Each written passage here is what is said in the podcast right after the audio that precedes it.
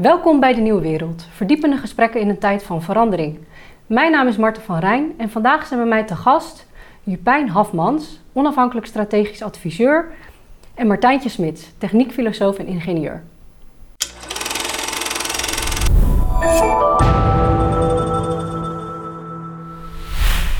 Welkom allebei. Dankjewel. Leuk dat jullie er zijn. Ehm, we gaan het vandaag hebben over de weerbaarheid van onze democratie en solidariteit ten tijde van corona. En dat is eigenlijk naar aanleiding van een opiniestuk dat ehm, in het parool is verschenen van jouw hand. Mhm. Ehm, getiteld Mensen vrezen de restricties meer dan het coronavirus zelf. Ja. Zou je kort willen vertellen eh, waar het artikel over gaat? Ja, eh, de titel heb ik niet zelf gekozen. Dat doet het parool dan, hè, naar aanleiding, want het is gewoon een quote. Ehm, ik, ik, ik vond hem wel mooi gekozen. Eh, het dekt niet helemaal de lading van, van het hele artikel. Maar eh, wat ik merk is dat in mijn omgeving mensen vooral de restricties vrezen van de overheid. Dus alle maatregelen die over ons worden uitgestort. En dat ze denken, oh jee, als er maar niet weer een nieuwe lockdown komt. Als we maar weer gewoon kunnen werken in, in het theater, op scholen. Eh, en, en niet zozeer dat mensen bang zijn voor het coronavirus. En dat vind ik een hele opvallende constatering. Vormde dat voor jou ook de aanleiding dan om dit eh, eh, opinieartikel te schrijven? Nee, dat niet zozeer. Het is wel onderdeel daarvan. Maar eh, de aanleiding was dat ik merkte dat het, het debat wat er gevoerd zou moeten worden, als het ons zoiets enorms overkomt, of het nou het virus is of de maatregelen, maar er is echt wel heel veel aan de hand, dat het debat daarover ehm, eh, ja, verlamd is, zo gezegd, en verhard. En dat als je eh, een debat aan wil gaan of vragen wil stellen daarover, dat dat over het algemeen bij veel mensen niet wordt gewaardeerd. En dat vind ik heel eng, omdat eh, inzichten die we als maatschappij, maar ook de wetenschap eh, ontwikkelen, die hebben daar schade van. Dus dan krijg je een verenging van het, van het, van het discours. En dat zie je nu ook gebeuren. Ja. En dat lijkt me niet goed. Daar staan jullie eh, natuurlijk eigenlijk nee, beide denk ik aan dezelfde kant dat jullie dat zien gebeuren. En dat is ook ehm, nou ja, vanuit die gemeenschappelijke invalshoek volgens mij dat jullie elkaar hebben ontmoet. Ja, ik denk dat we allebei hartstochtelijk eh, aanhanger zijn van de maatschappelijke dialoog. Zeker als er complexe vraagstukken zijn. Ja. En de coronacrisis kun je toch wel makkelijk, met groot gemak, een complex vraagstuk ja, als, Met eh, heel veel eh, kanten, medisch, juridisch, eh, grondwettelijk. ehm, eh, nou ja, en alle, met alle maatschappelijke implicaties enzovoort. Het is jij echt een wicked problem. precies. En je hebt ook veel onderzoek gedaan eigenlijk naar deze complexe soorten type vraagstukken en op gepromoveerd. Ja, ik denk wel dat je dat de, een, rode draad in mijn onderzoek tot dusver kunt noemen. Dat, het gaat altijd over maatschappelijke controversies en dan meestal over wetenschap en technologie. Ehm, ja, dat klopt. Ja, Ehm, dus dus eh, wat je. ehm, ik, in, in- bijvoorbeeld in mijn proefschrift heb ik een aantal van de controversies over technologie eh, laten zien. En hoe, dat die ook altijd met eenzelfde soort eh, patroon verlopen. Dus met de uiterste. En eh, ik denk. Ik heb dat voor corona nog niet zo precies onderzocht, maar ik denk dat dat wel parallellen vertoont. Dus zeg maar alle maatschappelijke visies die zich daaromheen ontvouwen. Ehm, en ik denk ook dat we er op een hele onhandige manier nu maatschappelijk mee omgaan. Dat in mijn proefschrift laat ik zien dat je wel degelijk met elkaar over eh, in dialoog kunt. Ook al denk je dat de verschillende standpunten elkaar uitsluiten. En dat is ook precies eigenlijk waar we het vandaag natuurlijk Ja. over gaan hebben. Over hoe eh, kun je nog met elkaar in dialoog eh, in deze tijden. Want wat jullie beiden eh, in die zin zien, is dat het debat op dit moment verhardt, om het zo te zeggen. En Ja. ja, hoe, hoe hebben jullie dat zelf ondervonden, om eens te beginnen? Ehm, ik heb dat zelf ondervonden doordat ik merkte dat een aantal mensen in mijn omgeving eh, eh, ja, toch met enige eh, terughoudendheid, maar ook spijt, hun geluid over corona alleen terugvonden bij een partij als Forum voor Democratie. En ik zag dat met ledenogen aan, omdat ik zelf wat meer links ben voorgesorteerd. En ik eigenlijk ook geen weerwoord had als ik zei van nou ja, de- de- er is bij verkiezingen wel ook wel meer aan de hand dan alleen corona. Maar als je dat zo belangrijk vindt, en dat kan me ook alles bij voorstellen, dan kom je eigenlijk alleen bij zo'n partij uit. En dat vind ik heel raar. En ik heb daar ook eh, contact over gezocht met nou ja, eh, eh, een aantal linkse politici. En daar werd ik niet door gerustgesteld. Want het Wat voorkomen. zij aan? Nou, het, het, een, een letterlijk citaat was dat het voorkomen van doden door corona nu absolute prioriteit was. En daar schrok ik van, want dat kan natuurlijk niet. Dat is nooit absoluut. En dat was niet a, figure of speech, maar dat was echt zo bedoeld dat alles daarvoor moest wijken. En dat is heel eng, omdat als je dan daar iets tegenover stelt wat misschien eh, eh, anders, een andere aanpak of wat milder zou kunnen, eh, dan is dat gelijk bedreigend voor die aanpak en die opvatting. En je bedoelt eng, eng in die zin dan natuurlijk ook als echt een vernauwing, Ja, van, vernauwing, van de ja. wijze waarop we eigenlijk kijken naar Ja. de maatschappij en de verschillende soorten, eh, Ja. nou ja, wat, wat allemaal onderdeel is van de maatschappij. Want nee, Ja. jij hebt daar bijvoorbeeld ook eh, een, een opinieartikel, of althans een stuk over geschreven op een gegeven moment. Ja, vorig jaar juni, Ja, toen net de eerste versie van de coronawet op tafel lag. Precies. En dat gaat eigenlijk ook over, over die verenging en over de verschillende type eh, rechten Ja, die we in onze samenleving hebben. Kun je Ja. iets verder... Nou, het artikel kwam eigenlijk voort, het opiniestuk, uit- dat had een, een voorgeschiedenis. Want eigenlijk vanaf het begin van de coronacrisis was ik zelf heel verbaasd over dat eigenlijk eh, over zomaar allerlei eh, rechten zoals eh, onderwijsrecht, ehm, recht om in de publieke ruimte je te begeven, ehm, ehm, het recht op vergaderen eh, met een groep, dat dat opeens niet mogelijk was zonder dat daar een, een, een politieke discussie over was geweest. En die eerste twee weken was dat nog ala, maar daarna leek het mij eh, nodig om, om in elk geval die dilemma's politiek te bespreken. Ja. En toen had ik contact met een mensenrechtenadvocaat. En met hem besloot ik om een vergadering te organiseren, politieke grondrechten in het coronatijdperk. En tot onze verrassing werd die vergadering door de veiligheidsregio verboden. Daarna zijn we naar de rechter gegaan, omdat we dat zo'n soort Op vergadering. welke grond werd dit op, op basis van er zijn op dit moment restricties en dat ja, er mochten geen eh, bijeenkomsten zijn. Ehm, wij hadden een bijeenkomst gedacht van 30 mensen en dan met grote afstand en met ventilatie enzovoort, maar ook dat kon niet. Eh, maar het toonde voor ons aan dat, je dus, dat er geen ruimte was voor ehm, überhaupt politiek hierover na te denken. En ehm, uiteindelijk is die vergadering op 5 juni gehouden, dus toen het net weer mocht. En eh, daaruit kwam een initiatief voort, dus met een aantal juristen, denkers, universitair docenten, mensenrechtenactivisten, om, eh, om de coronawet zoals die daarvoor lag, om die te bestuderen en eh, daar ehm, de, bij Kamerleden en ehm, op ministeries over aan de bel te trekken. En dat opiniestuk was de kortste samenvatting van ons eh, Ja, standpunt. Van waar jullie het inderdaad over wilden dus dat hebben. ging over zes redenen waarom de coronawet niet toelaatbaar is. Precies. En eigenlijk ook eh, bepaalde soorten vrijheden waar onze overheid voor zou moeten staan, dat die dat Ja. in het geding zou brengen. Ehm, ja, want wat we eigenlijk zien wat dat betreft, tenminste eh, wat ik merk bij eh, jullie verschillende Mhm. standpunten waar je dit over wil hebben, is dus als we het hebben over die, de vrije ruimte, waar we met z'n allen eh, ons in bewegen, eh, die polariseert eigenlijk op een bepaald soort wijze.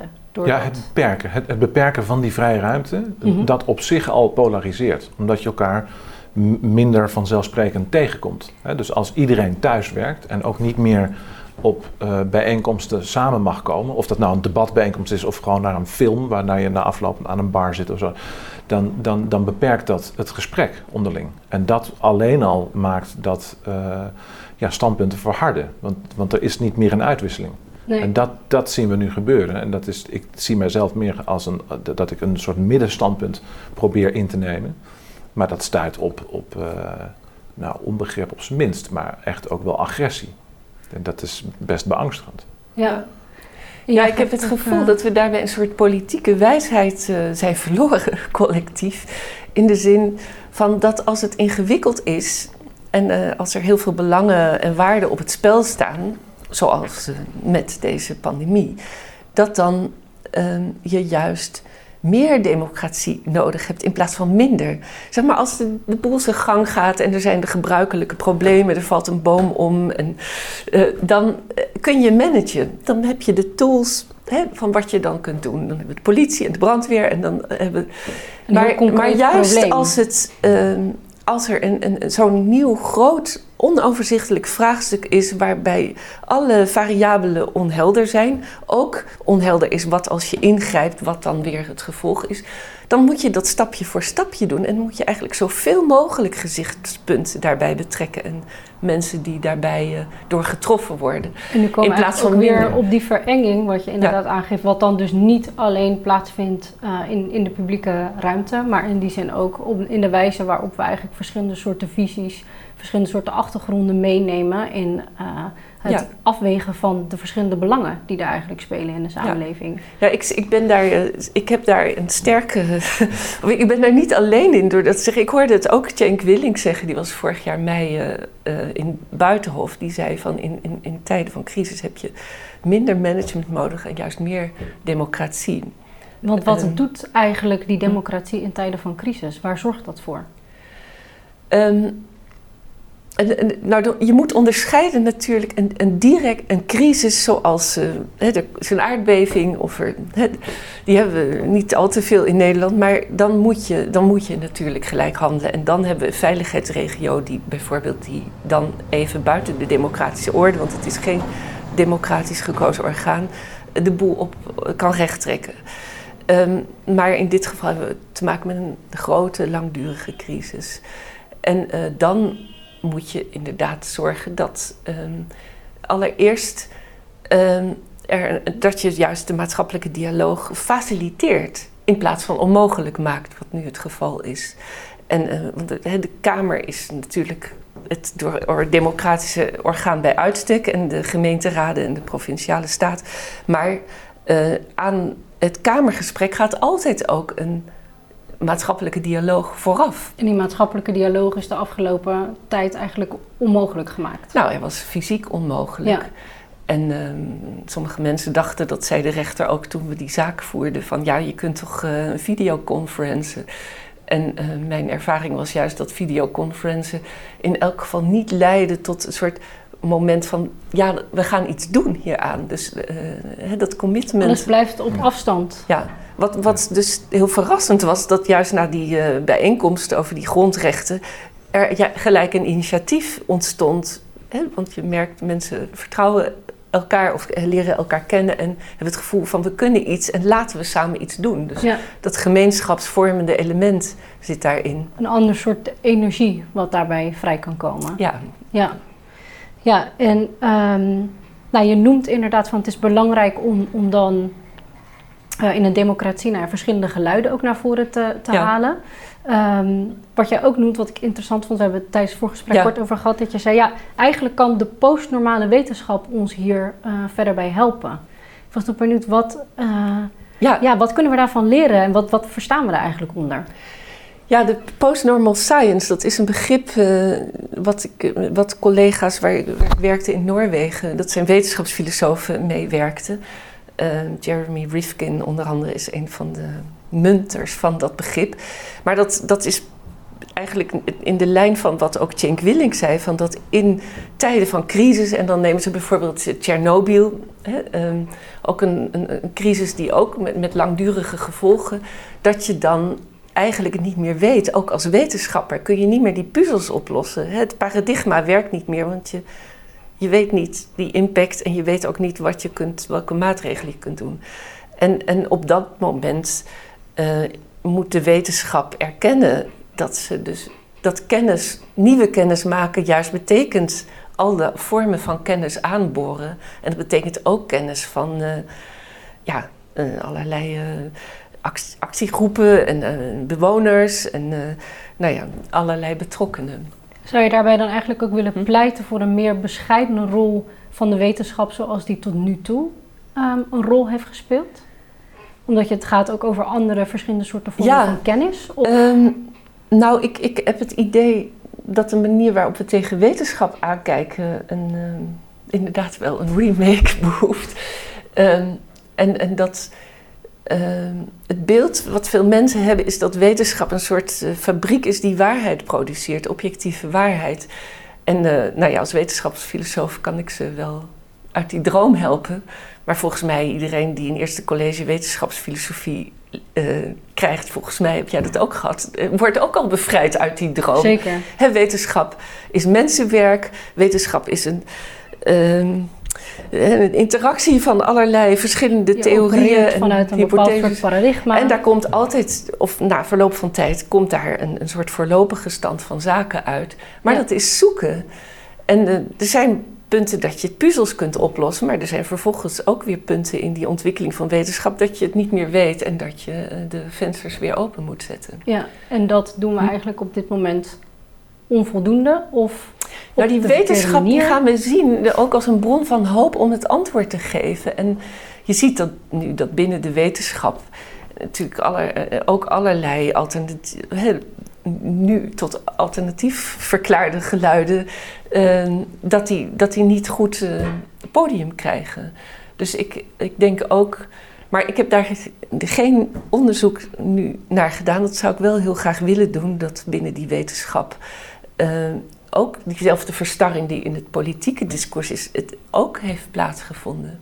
Ja, misschien weet je, dat stuurde een van onze ehm, leden van, onze, van de Vierde Golf ons toe, ehm, het hoofdredactioneel commentaar in ehm, het British Medical Journal, het oudste medisch-wetenschappelijke tijdschrift, die al in november eh, 2020 klaagde hoeveel ja, hij noemde het zelfs corruptie er in de wetenschap Ja, ik was. vind. en, Het is nog eh, wel goed om trouwens ja. eventjes te noemen, wat is eh, de vierde golf?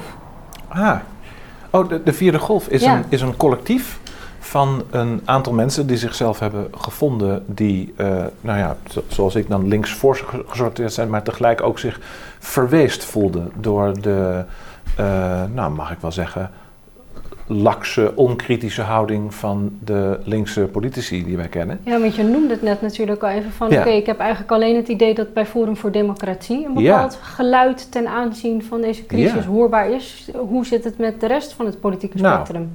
weinig tot niets. En, en die verweesdheid heeft ons eigenlijk bij elkaar gebracht. En eh, wij streven naar een wat pluriformer debat om te komen tot een, tot een pandemiebestendige democratie. Eh, dus dat is wat wij proberen te doen met debatten, maar ook optredens zoals deze. Mhm. En eh, artikelen schrijven.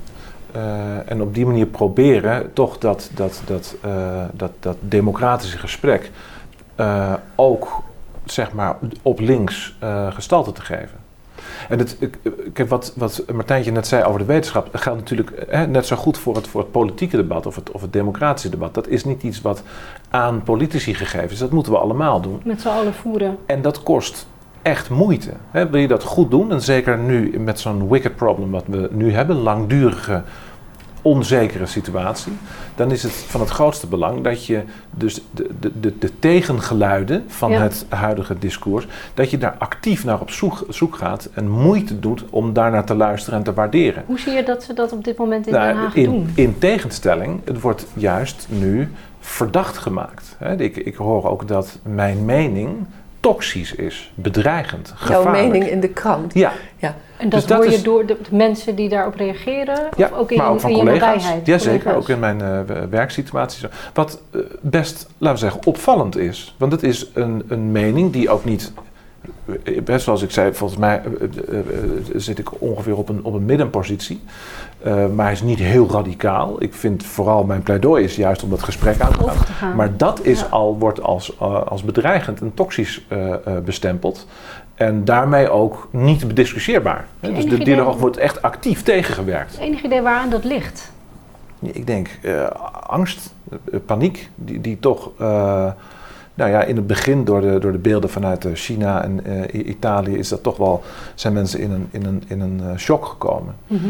Dat was ook echt bedreigend hè, in het begin. Dus wat dat betreft denk ik ook de, de eerste maanden wat er toen is gebeurd, dat wil ik iedereen vergeven. Want het was gewoon echt een onduidelijke situatie. Maar we zijn nu echt wel eh, anderhalf jaar verder, ruim. Dus we mogen ons nu ook wel even achter het hoofd krabben en, en, en, en denken, wat, wat is er eigenlijk gebeurd? En, en ehm, even in en uit ademen, zo gezegd. Ja. En even rustig Niet de alleen boel wat te er proberen te overzien. En, en dus ook de mensen eh, die, die misschien een standpunt hebben waarvan je denkt van nou dat is in ieder geval niet waar. Dat je daar wel moeite voor doet om daar naar te luisteren. Ja. Want vaak, dat is wat ik wel heb geleerd, is dat misschien de, de, de, de, de feitelijke eh, eh, standpunten misschien wat ver van je afstaan. Maar de, de onderliggende, misschien meer intuïtieve bezwaren of angsten wel degelijk gegrond kunnen zijn. Ja, en nou ja, ik heb het van tevoren eventjes natuurlijk over gehad. Dat je eigenlijk aangaf van ja, ehm, ik heb niet het idee dat dit nu uit de lucht komt vallen. Dat we ehm, dat de open debat eigenlijk met elkaar, dat we dat moeilijk vinden. Maar dat dat eigenlijk een, een trend is die al langer Ja, is ingezet. ja. Ja, ik zei je, ik ben eh, al aan het begin, ik ben hartstochtelijk voorstander van die dialoog. Maar ik, had, ik heb ook wel heel lang het vertrouwen gehad dat we in Nederland daarin een, eigenlijk een rijke traditie hebben. Ik denk dat wij, wij allemaal, alle drie, ook eh, zeg maar, aan dat publieke debat ook meedoen, zeg maar, als, als denkers. En, en dat daar altijd ook wel de ruimte voor was om, om dat te doen. Ehm, maar inderdaad is het niet helemaal nieuw. Dat, dat het publieke debat is al verschraald. En ehm, je zou kunnen zeggen, zeg maar, dat... eh, Wanneer is dat zo ja, beetje ik- ik- ingezet? ik denk zelf dat dat, dat dat ook iets te maken heeft met de neoliberale ideologie, waarbij zeg maar, de homo politicus eh, opzij gezet is voor de homo economicus, om dat even kort aan te duiden. Dus en hoe zie je zeg dan maar die, het idee dat je ertussen? het, het mensbeeld van dat we gemeenschapswezens zijn, burgers. hè, met grondrechten, die, eh, hè, dat is ook het hoogste ideaal, dat je een autonoom wezen bent dat eh, zichzelf kan uitspreken en ook dat samen met anderen kan vormgeven aan, zijn, aan hoe je moet leven, aan het goede leven.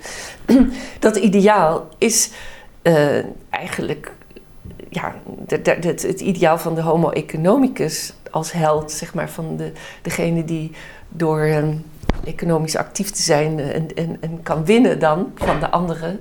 Dus waarbij je allemaal concurrent bent van elkaar en consument, maar geen gemeenschapswezen. Wat doet dat in Dat in die heeft- dat concurrentie? heeft, eh, dat doet volgens jou iets met de publieke ruimte die we weten te organiseren, waarin mensen zich kunnen uitdrukken. Ja, maar het lijkt, eh, als, het lijkt te gaan over management. Hè? Dus het gaat over, niet meer over dat er heel veel verschillende manieren zijn om die gemeenschap vorm te geven. Dus eigenlijk nog één manier blijft er over.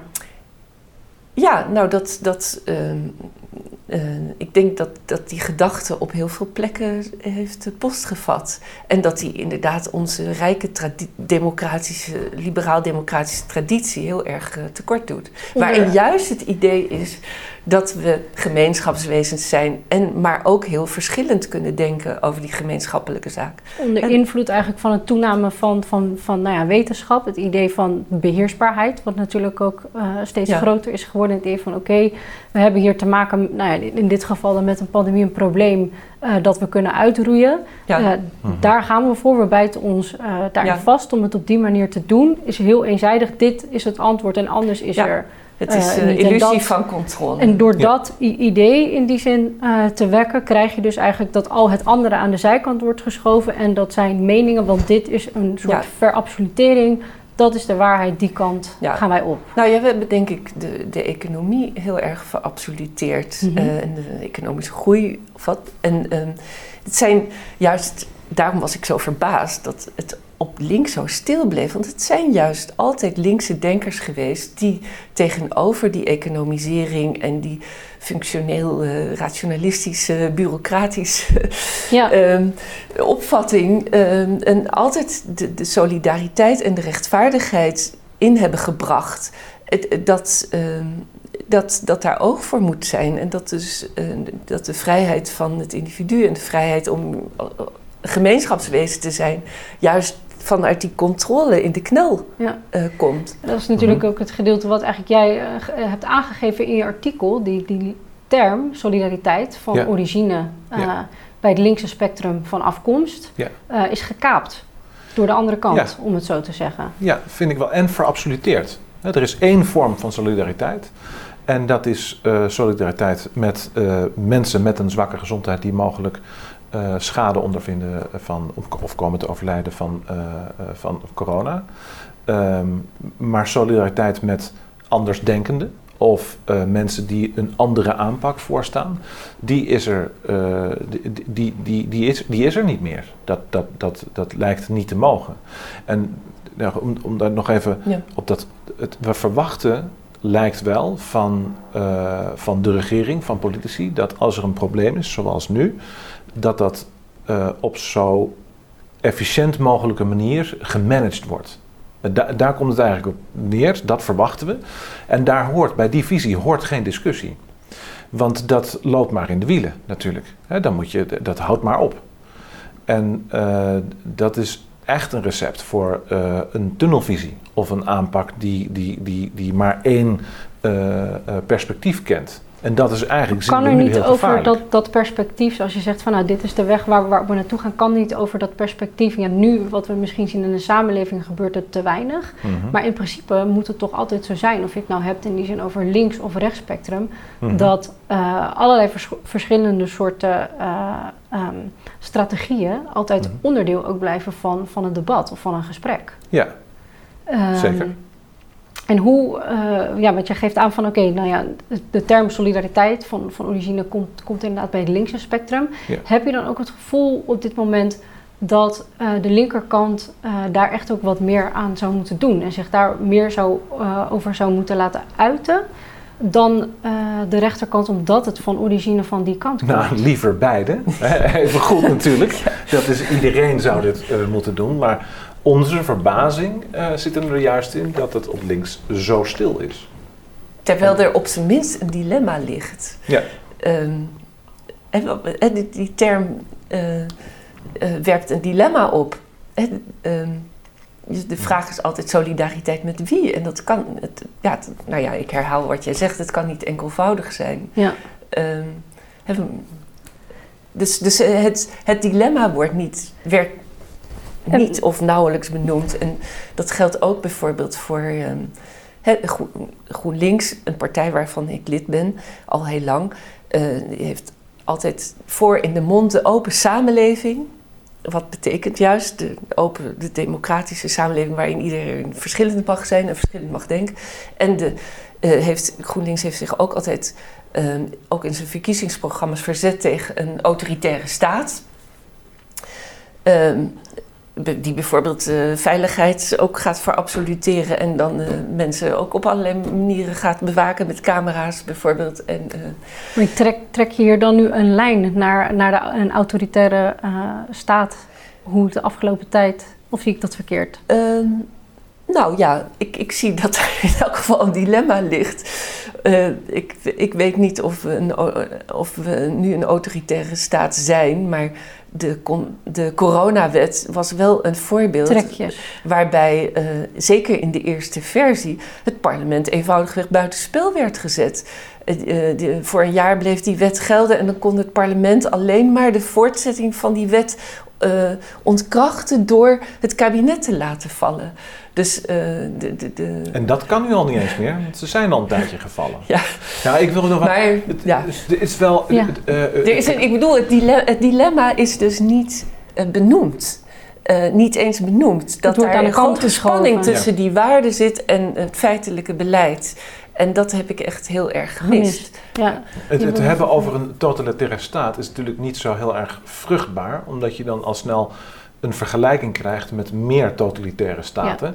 En dan zeggen zo, zo erg is het toch niet? Nee, zo erg is het ook niet. Dus het is zo in die zin geen totalitaire, totalitaire staat waarin we nu leven. Maar wat ik wel zie, is dat we de afgelopen anderhalf jaar wel totalitaire trekken hebben. Ja. He, dus een tendens, zou je Het gaat wel om een, een, fundamentele discussie hier van, van wat er op het spel staat. En die discussie, ja. als we die niet dat, hebben, dat realiseren over, we ons voldoende ja. waar het over gaat. Ja, en dat gaat natuurlijk over het inperken van vrijheden, die onder omstandigheden misschien geoorloofd zou zijn of niet. Maar dat is natuurlijk wel een, een, een pijnlijke kwestie die allerlei dilemma's oproept waar je het over moet hebben. Maar ook het, het, het niet waarderen en, en zeg maar wegzetten van... Uh, uh, eh, ja, zeg maar dissidenten of, of andere opvattingen, dat zijn wel degelijk totalitaire trekken. Ja. ik ben benieuwd eigenlijk. Nou, we kijken hier dus nu op dit moment naar het dossier eh, eh, van de coronacrisis, waar we eigenlijk constateren: oké, Forum voor Democratie als populistische partij is eigenlijk de enige partij die een serieus tegenantwoord laat horen.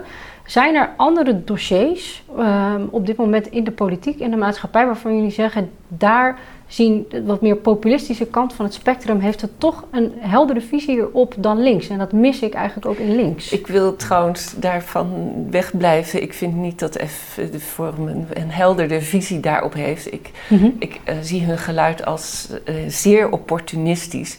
Uh, want tegelijkertijd wil het Forum voor Democratie bijvoorbeeld het Europese Hof voor de Mensenrechten afschaffen.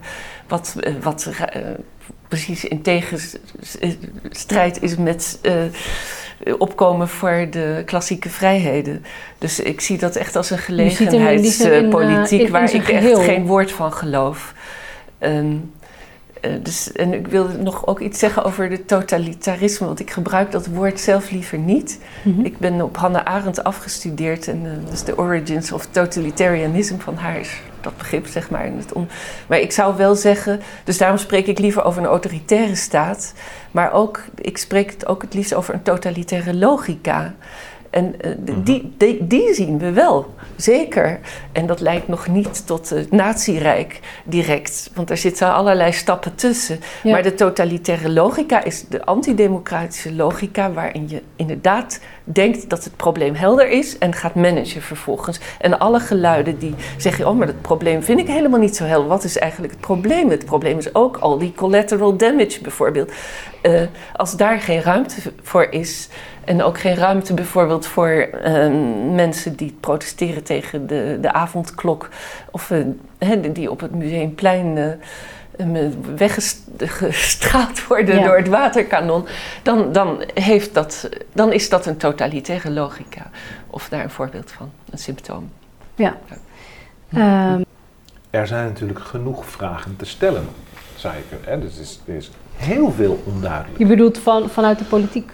Of ja, vanuit de maatschappij, vanuit de wetenschap, vanuit hè, dus het hele, de notie dat, dat, dat er één waarheid is. Je ziet al dat uh, zowel het OMT, het RVM, maar uh, zeker ook het kabinet, uh, nou, af en toe nogal verandert van standpunt. En dan weer heel stellig is. Ja. En dat is. Ja. Ehm, dat, daar zie je al aan dat, het, dat dat niet klopt. En dat, ik snap dat dat bij mensen wantrouwen oproept een bepaald soort stelligheid innemen. Ja, stelligheid die ook nog eens wijzigt. Dat je, ja. maar het was eerst dit en, en dan, dan ben je natuurlijk al snel ook een leugenaar.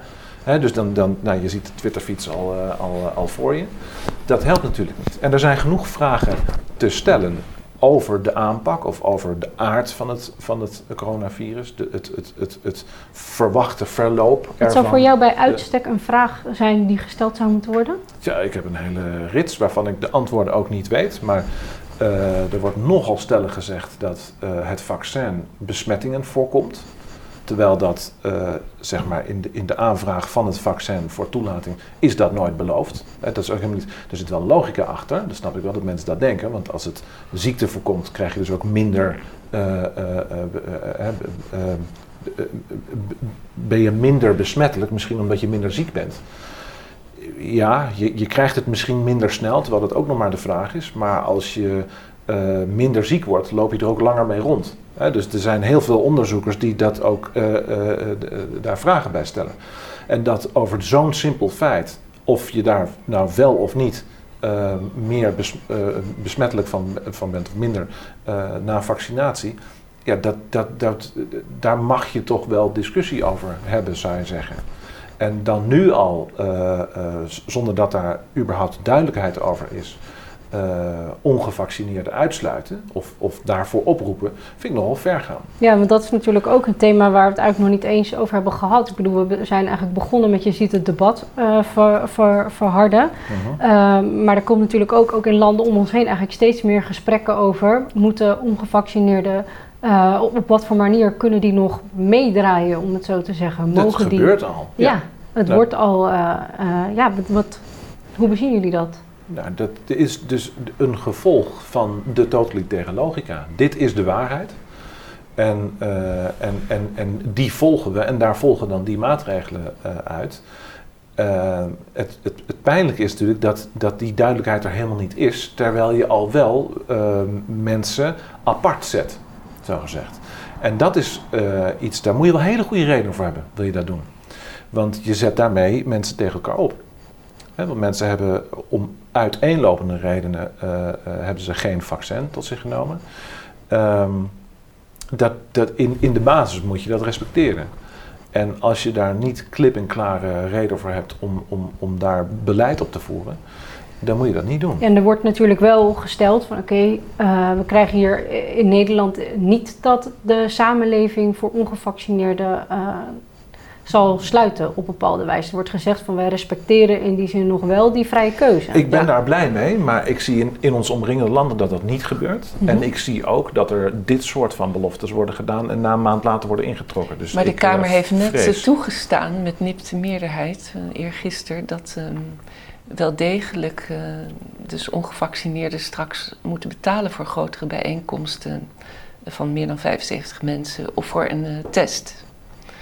En, en dat inderdaad berust dat op de uh, discutabele inschatting dat gevaccineerden niet besmettelijk zouden zijn en ongevaccineerden wel besmettelijk zouden zijn. Waar ook al verschillend onderzoek naar is gedaan waarvan eigenlijk wordt gezegd: oké, okay, iemand die gevaccineerd is, zou eigenlijk nog steeds net zo ja. goed, ja. misschien in mindere mate, maar ook corona bij zich kunnen dragen en het kunnen overgeven. Ja, ja. en, en de, de, jonge minister De Jonge heeft, demissionair minister De Jonge heeft volgehouden dat uh, er geen sprake is van dwang of drang, dat het volstrekt redelijk is dat mensen die niet gevaccineerd zijn wel uh, moeten betalen voor zo'n test. En, um, want, uh, want je had gebruik kunnen maken van het vaccin. En um, uh, ja, ik denk dat, er, dat, dat zijn redenering natuurlijk niet klopt. Want er is natuurlijk wel degelijk sprake van dwang op het moment dat je moet betalen. Uh, dan is er gewoon een hogere drempel. Dan, dan, is er geen gelijkheid tussen een gevaccineerde en een ongevaccineerde in hun toegang tot Missen de publieke jullie, ruimte. Als we het hebben uh, in die zin over solidariteit, Ja. missen jullie hier op, op, op zoiets dan ook de stem van, van links? Heel erg, ja. ja. Heel erg. Eh, maar ook op eh, heel veel andere maatregelen die, ehm, laten we zeggen, nogal asymmetrisch werken. Zoiets als de scholen sluiten of een avondklok, nou, noem maar eentje. Ehm, die hebben natuurlijk verschillend effect op verschillende mensen. Stel je voor dat je het anderhalf, de afgelopen anderhalf jaar zou moeten leven met vier kinderen op een driekamer, Ja. een driekamerfletje op, op, op, op drie hoog. Dat is, dat is ik kan me dat niet voorstellen, maar ik, dat, dat, dat moet heel erg zwaar zijn. Maar als je, ik weet niet, een- auto hebt, een, een, eh, een tuin, eh, werk wat makkelijk op afstand kan, Voldoende ruimte? de, de, de, de, de, capaciteiten hebt om kinderen te begeleiden met, met school, dat heeft ook niet iedereen. Genoeg geld om eventuele boetes te kunnen dragen, een basisvertrouwen in de overheid. Al die facetten, nou, dan was het misschien wel te doen de af, afgelopen anderhalf jaar. Maar als je dat niet hebt, dat is natuurlijk ook een goed deel van de bevolking, dan komt dat nogal eh, ongelijk op de mensen hun dak. En dat Ja. is wel iets wat we eh, ons moeten realiseren. En, en waar ik vind dat, dat, dat, laten we zeggen, vooral mijn linkse politici daar, daar echt steken hebben laten vallen. Ja, en die afweging wordt misschien ook niet echt openlijk gemaakt. Want als je ehm, nou ja, mensen hiernaar vraagt en zou vragen wat, wat denk je hier zelf van en, en in hoeverre komt dat voor? En er zijn denk ik legio mensen die hier een voorbeeld inderdaad van kunnen verzinnen van ik ken iemand bij wie het heel nadelig heeft uitgepakt. Ja. Dan is het alsnog van ja, maar de verabsolutering, we doen het allemaal uiteindelijk voor een groter, hoger goed. Ja, maar de notie van we doen het allemaal is, is, dus, is dus wat genuanceerder. Hè? Want, want, want ik doe het ook, Ja. sommigen ook weer helemaal niet hoor. Maar voor mij is het echt veel makkelijker dan voor andere mensen. Ja. En dat is wel iets wat we ons goed moeten realiseren, want dat uit zich ook in schade. Echt, echt schade waarvan ik denk dat we de komende misschien wel decennia nog moeten dweilen om dat eh, recht te trekken. Ja, het is altijd de vraag wie de zwakken zijn. Ja. Vroeger waren dat de arbeiders bijvoorbeeld, maar die, die bestaan niet meer op die, precies op die manier. Maar die vraag moet je altijd opnieuw stellen. En ik, ik vertrouwde inderdaad juist GroenLinks dat toe, dat ze, want die, die, die, die, die eerder wel die positie innamen, dat ze juist oog had voor die, die nuance. Dat je die vraag met wie je solidariteit moet zijn nooit klip en klaar kunt beantwoorden, maar elke keer weer opnieuw. Afhankelijk van de context van Ja. de situatie. Van, ja, precies. Ja. Ja. Uh, en ook het begrip vrijheid, zo, het is voor filosofen echt uh, smullen, deze crisis. Ja. Omdat al die grote begrippen weer eigenlijk heel uh, confuus zijn en opnieuw gesteld moeten worden. Hm? Bevraagd moeten worden. Ja, want je hebt ook um, een gedeelte, nou ja, onderzoek weet ik het niet precies, maar dat gaat voor jou over de term positieve vrijheid. Die je eigenlijk aangeeft dat dat is ook van origine een, een een term die hoort ook bij uh, de wat meer linkse kant van het spectrum. Ja. Ja, en wat, versta je on, wat verstaan we onder positieve vrijheid? Nou, allereerst de negatieve vrijheid zijn de, de, de vrijheden van het individu.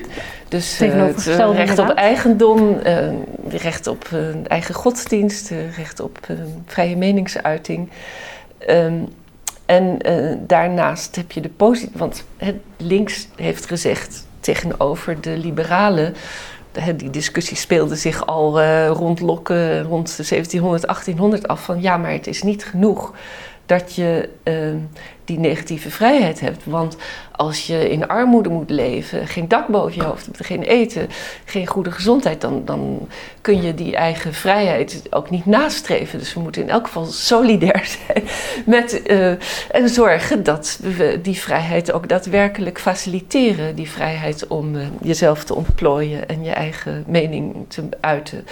En uh, daarbij hoort dus werken aan de positieve vrijheid dat, de positieve vrijheid is uiteindelijk dat, maar we moeten niet in die zin zorgen voor uh, gezondheid, woning enzovoort.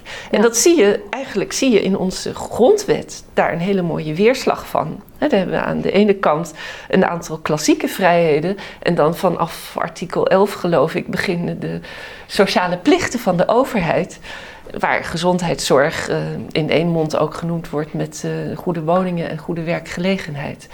En um, dat is één pakket samen voor mij. Het is dus niet zo dat je gezondheidszorg Iets kunt verabsoluteren en zeggen: uh, dan moet er maar wat minder vrijheden voor het individu zijn. Juist dat pakket samen laat ook juist die democratische wijsheid zien dat er altijd verschillend gedacht moet kunnen worden over die hoe die sociale plichten van de overheid om die positieve vrijheid te bevorderen ingevuld kunnen worden. Dus als het ware die ruimte voor die negatieve, die, die grondrechten, die negatieve vrijheid, is nodig om het politieke te houden. Hè? Het verschil van uh, de, de, het gerichtheid op dat, dat die grote gemeenschappelijke zaak eigenlijk elke keer weer tegen het licht gehouden moet worden. Om hoe je die in een afweging eigenlijk over de totaliteit, waar, waarin eigenlijk centraal staat, wat is het goede leven? Ja. Dat is in die zin de vraag. Ja, en, en je ziet dat in het neoliberalisme, als het ware de, de, de Trump en de Bolsonaro's, als uiterste de, de economie hebben verabsoluteerd. En dat is dan ook de economie van sommigen, hè, van de winnaars. En uh, het is je eigen schuld als je verliest. Maar nu lijkt het alsof we op, in de crisis dus de, de bestrijding van de pandemie hebben verabsoluteerd. Zoals we eerder mhm. de economie verabsoluteerden. Maar waarbij dat is maar één stukje van het faciliteren van die, die positieve vrijheid. En ehm, ik, ik wil op, helemaal niet, ik, op geen enkele manier de, de nood en de, de ernst van de pandemie ontkennen. Maar ehm, ik denk dat we verder van huis zijn dat de, dat de, de schade veel groter wordt straks. Als we dat prachtige, uh, een, een, een, historisch gelaagde concept van de liberaal-democratische samenleving en rechtsstaat om zeep helpen.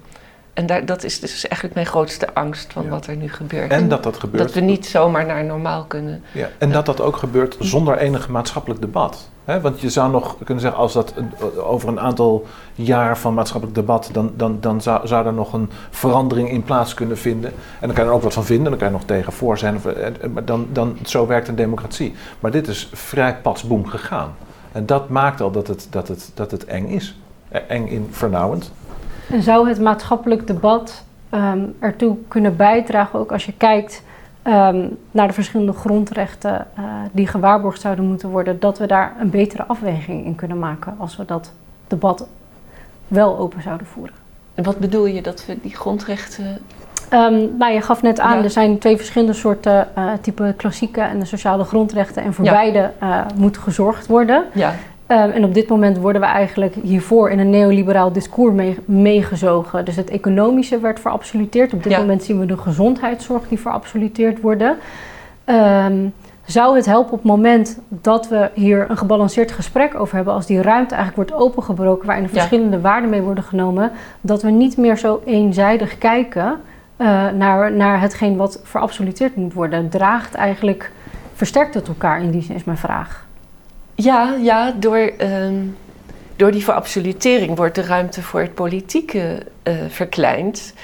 En eh, door de verkleining van de politiek kan die verabsolutering eh krijgt meer ruimte. Ja. Een Eh, wisselwerking maar daarom is het, maar dat ben ik ook echt niet alleen in. in de, de- er zijn allerlei eh, hoogleraren staatsrecht geweest die dat ook het afgelopen jaar hebben geroepen. Van die grondwet is er niet, hè, die klassieke vrijheden die zijn er niet voor makkelijke tijden, want dan is het simpel. Dan mag Ja. iedereen demonstreren en roepen. Ja. Nee, die zijn er juist voor moeilijke tijden. Ja. En die zijn er dus juist om het verschil van mening te blijven mogelijk maken. Ja. Want als je ze namelijk afbreekt en tussen haakjes stelt en inwisselbaar maakt, dan bij de eerste de beste volgende terrorismeaanval of zo, eh, ja, dan, Dan is het weer crisis. dan Ja, is het weer crisis. weer een Dus, eh, crisis. het, d- vandaar dat we met de vierde golf dus zeggen we moeten naar een pandemiebestendige democratie.